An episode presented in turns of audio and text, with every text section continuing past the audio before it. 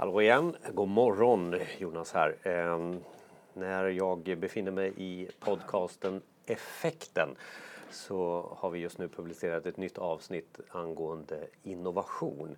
Innovation är ett ämne som finns väldigt mycket inom digitaliseringen just nu. Kanske lite oklart vad, vad man ska använda det till. Eh, och kanske lite hypat också. Det, här med digital transformation, man ska alltså vidare någonstans.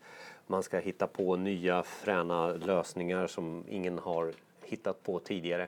Eller är det i det enkla, i det, det som är idag och nu, eh, i nuet, där man ska hitta sin innovation. Eh, och det kanske också är avgörande för många av dagens företag var det är man ska vara imorgon.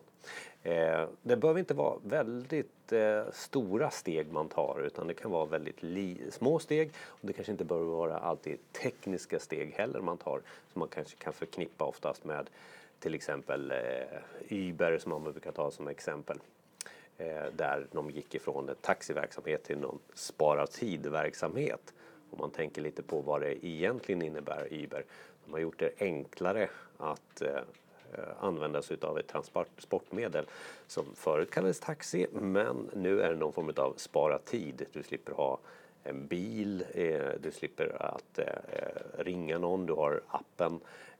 Det handlar väldigt mycket om små saker som är kanske helt uppenbara sen när man exponeras för det.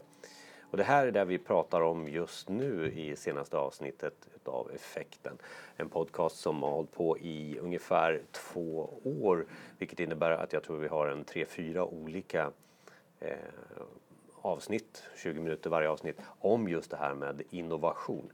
Det senaste avsnittet som är avsnitt 91 eh, där pratar Alexander Wennerberg Larsson om detta. Eh, och vi pratar bland annat om eh, de här X-företagen som eh, eh, oftast lanseras här och där. Och ska man ha kvar de här företaget X som gör det här innovationsdelen lite vid sidan om eller så ska man implementera in det i den dagliga verksamheten. Svaret är förstås det sistnämnda. Allt det här finns på effekten.se eller där du hittar dina övriga poddar.